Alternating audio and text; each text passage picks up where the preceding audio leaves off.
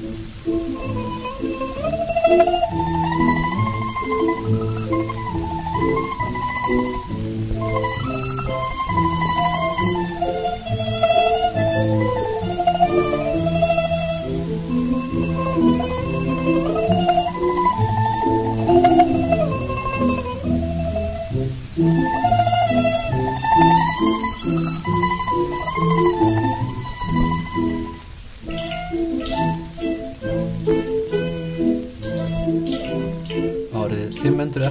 Krist var Japan land sem var stýrt af fjölmörgum uji eða ættbálkum. Þessir ættbálkar voru svo fjölmennir að meðlemið þess voru oft á tíðum ekki náskildir og jafnvel ekki einu svoni fjarskildir. Þú gast gengið inn í uji og orðið hlutaði. Að vera í uji gat verið eins og að vera í stjættafélagi í dag eða vera bara meðlemur í einhverju þjóð. Þú heyriðir undir eitthvað ákveðið ættarhöfuð og, og sem var svona í rauninni ígildi einhvers konungs. Suma þessum uji drótnuði yfir öðrum minni ujium og valda mesta uji landsins var ættbalkur keisaraættarinnar sem drótnaði yfir þeim öllum. Þetta hafði gerst eftir áralöng stríð á Yayoi og Kofun tímabilinu en hvert uji hafði sitt verndargoð og þegar þau töpuðu stríði á móti öðrum ættbalki þegar eitt konungdæmi misti sjálfstæði sitt og þurfti að lúta nágranna sínum þá þýtti það auðvitað ekki að vendagoðið væri búið að vera. Því Sigurfegarinn tók það yfirleitt upp á arma sína og þar með myndaðist ekki bara stigveldi ættbolka þar sem keisarættin var á toppinum, heldur líka stigveldi guða þar sem Amaterasu var á toppinum og aðrir guðir líka þarna einhver staðar í gókunaröðunni.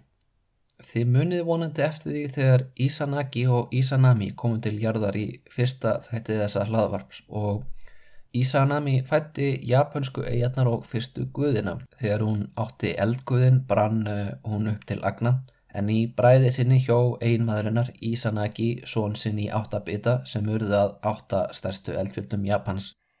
En blóðdrópanir eins og ég nefndi þá, sem einnig fjallaða sverðinu, urðu líka að guðum. Einn blóðdrópin sem að rann af sverði Isanagis nefndist Takemika Suchi og er þrjumuguðin í Shintoisma.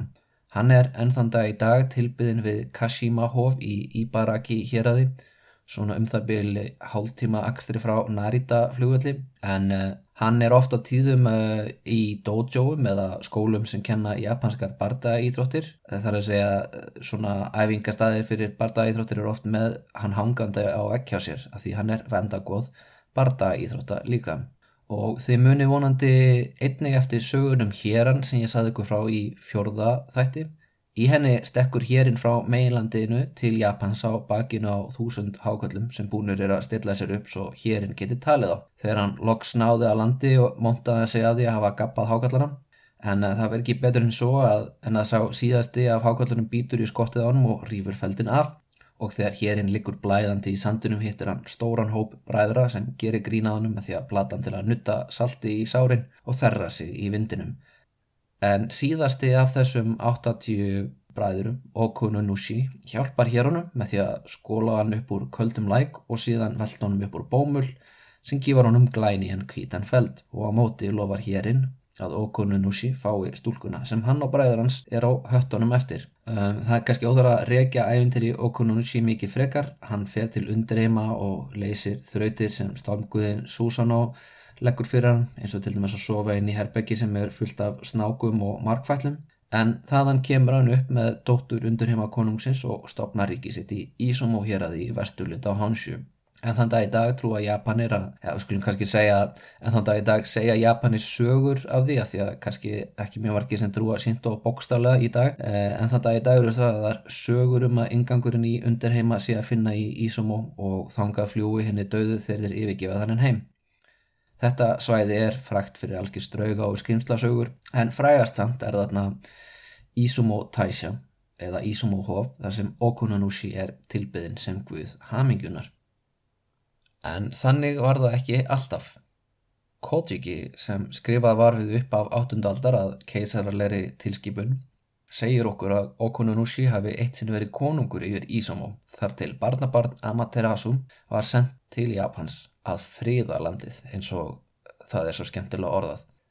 Ninigi, badnabad Amaterasu, Óskar þess að setja Okunanushi eh, gefi honum land sitt en Guðin ráðfæri sig fyrst við sinni sína og það verður til þess að Ninigi ákallar ömmu sína og byður um aðstóð og Sólgiðjan sendir þrjumuguðin Taki Mikasuchi niður til jærðar að hjálpa honum og þrjumuguðin kom fljúandi niður, plantaði sverðið sinni í jörðuna fyrir framann Ísomo hof og settist með krosslagða fætur ofan á sverðsóttunum og satt þannig í marga daga. Og það var til þess að Okunanushi og annar sonur hans uh, voru til í að gefast upp henda ekkert jafn óhugnulegt og maður sem getur bara setið ofan á sverðsotti í marga marga daga.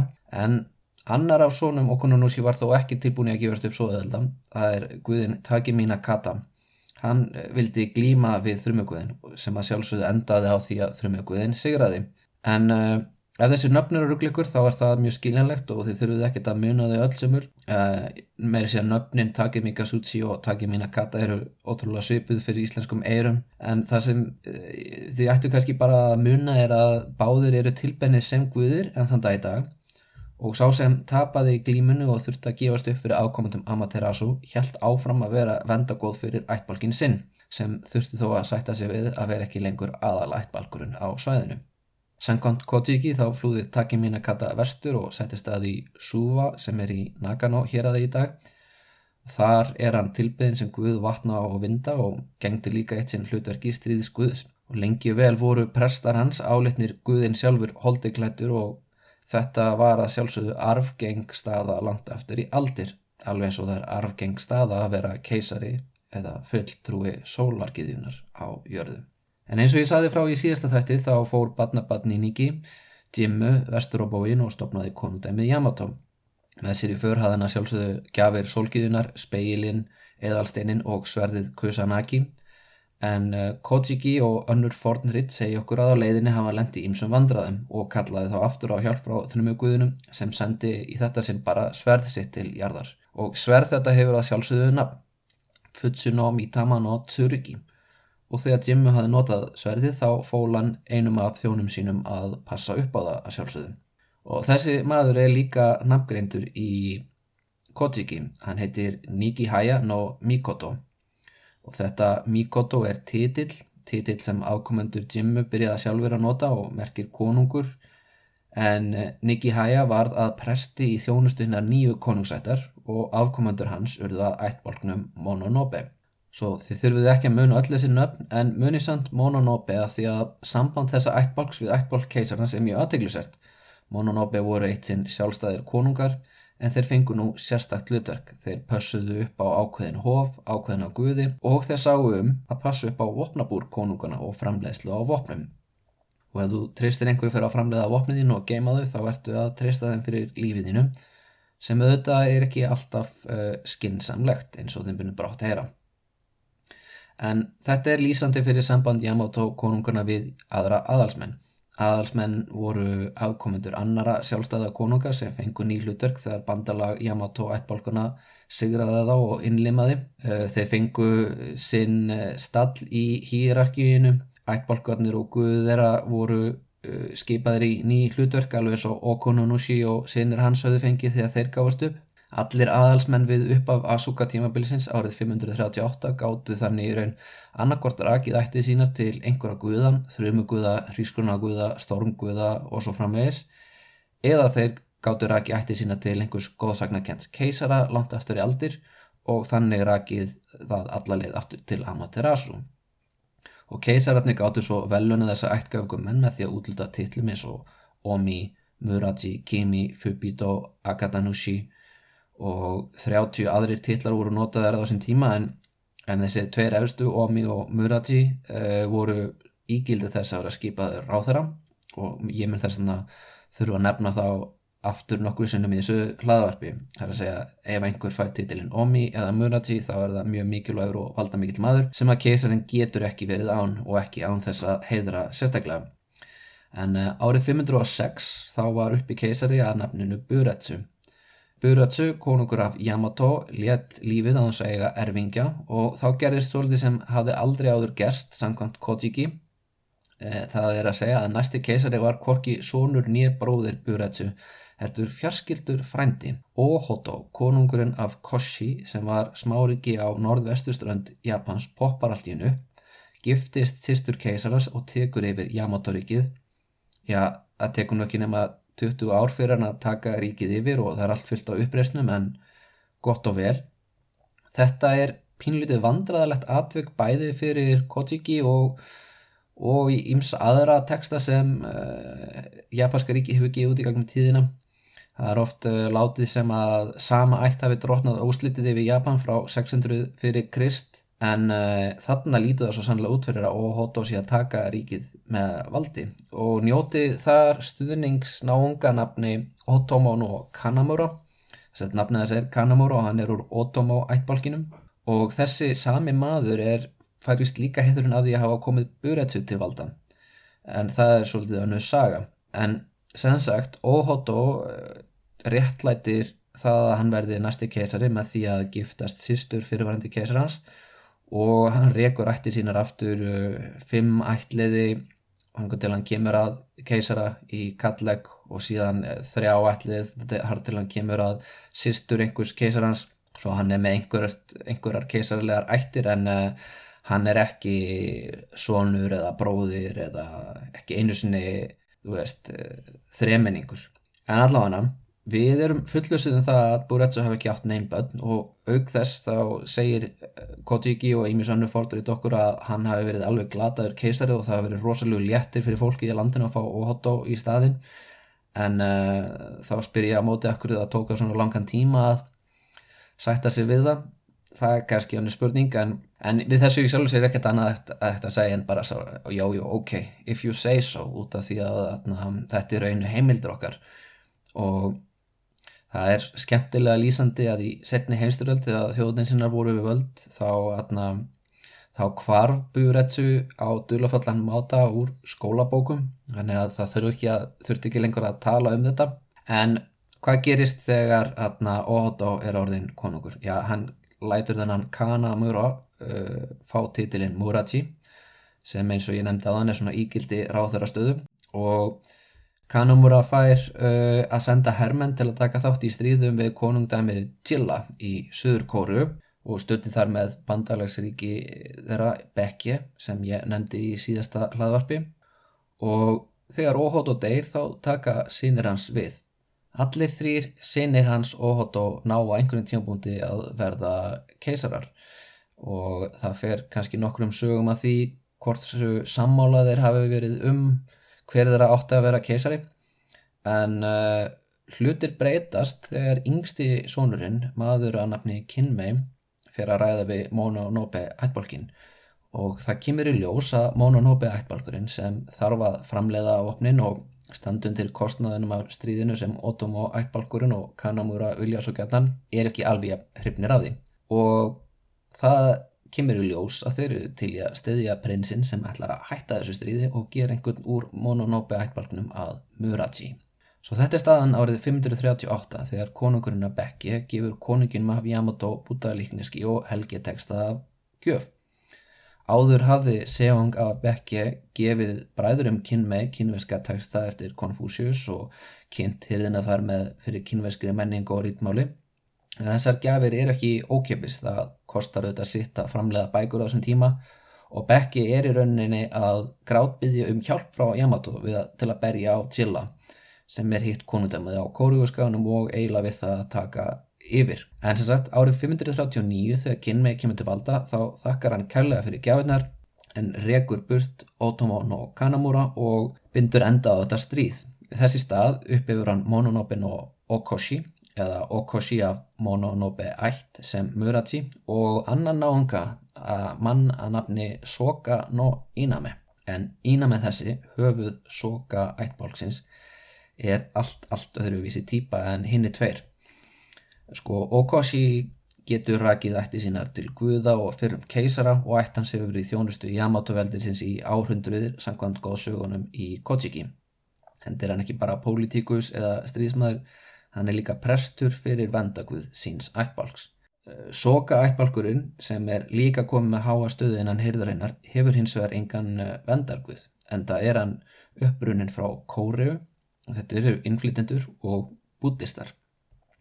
Svo það þarf alltaf að taka fram á Mononobe ættin sem uh, færir henni vald sitt frá uh, því að hafa vendaguð og hafa svona, hvað maður að segja, svona menningarlegt vægi út af síntóismannum eru kannski ekki mjög hrifnir af þessum keppinutum sem hafa ekki þetta sama umboð eða sækja umboð sitt frá, frá allt verðum hlutum. Sókaættin er ætt sem hefur orðið valda mikil með viðskiptum, þeir eru mikilvæg við hyrðina vegna þess að búið þekkingu á fræðum og handverki sem fólk á meilandinu kann og þeir eru með tengst við Kína og Kóru og Japan á þessum tíma er ekki lengur þið fjarlaga og einangraða va, heldur aktífur leikandi í milliríkja politík Austur-Asju og keisararunum finnst hann þurfa að ráðgjafa á borð við Sokon og Iname.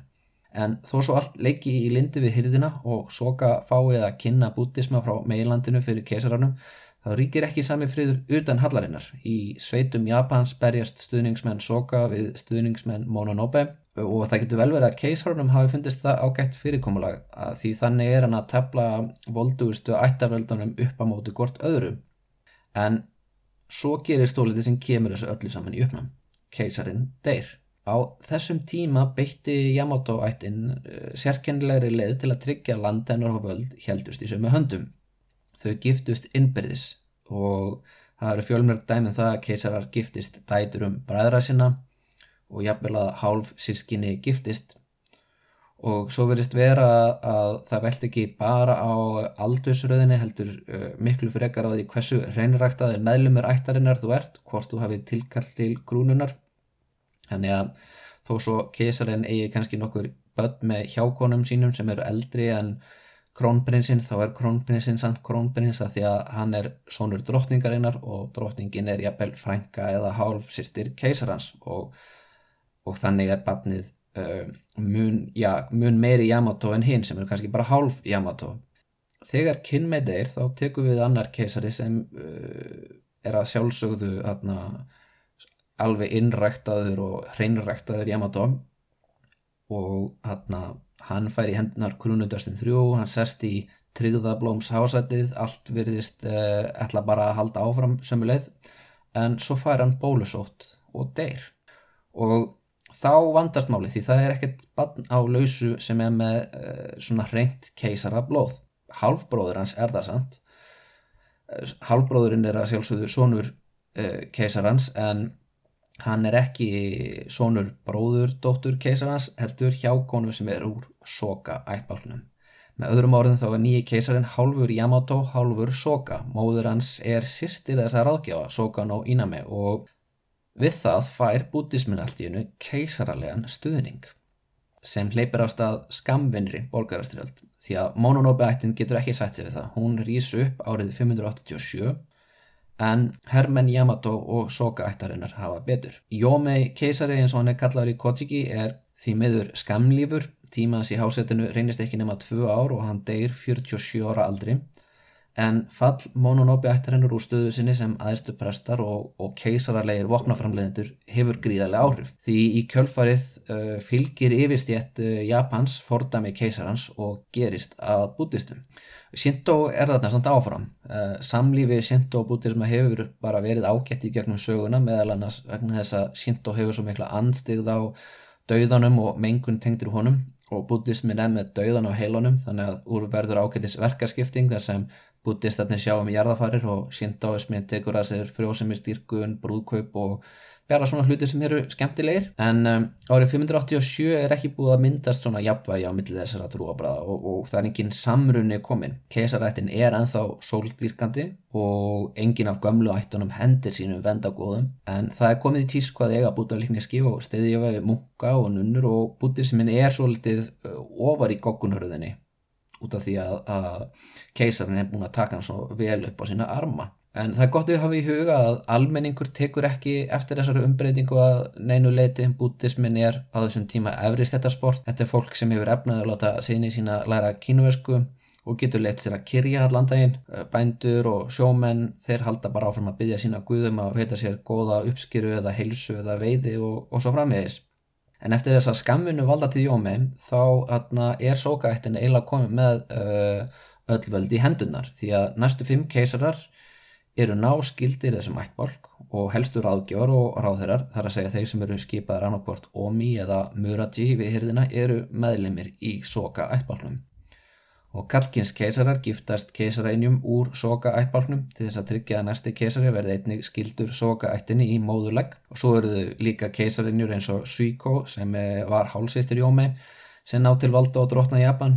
En um, hún er líka uh, dæmi um einhvern sem er hálfur soka hálfur Yamato og hún skipar uh, mikið af soka liði í svona ráðgjáfa og ráð þeirra stöður og þegar Suiko keisaræðinja kemur til valda þá gerir hún uh, Son Yomei prins Shotoku að Sessho eða ríkistjóra og maður hefði kannski haldið að, að sonur Yomei, sonur uh, keisarans hefði vilja verið að næsti keisari og, og hver veit kannski hefði hann viljað það en en uh, við ætlum samt að hafa í huga að, að ríkistjórin eða þetta embætti sem prins Sjótokko tekur við er í rauninni valdamera.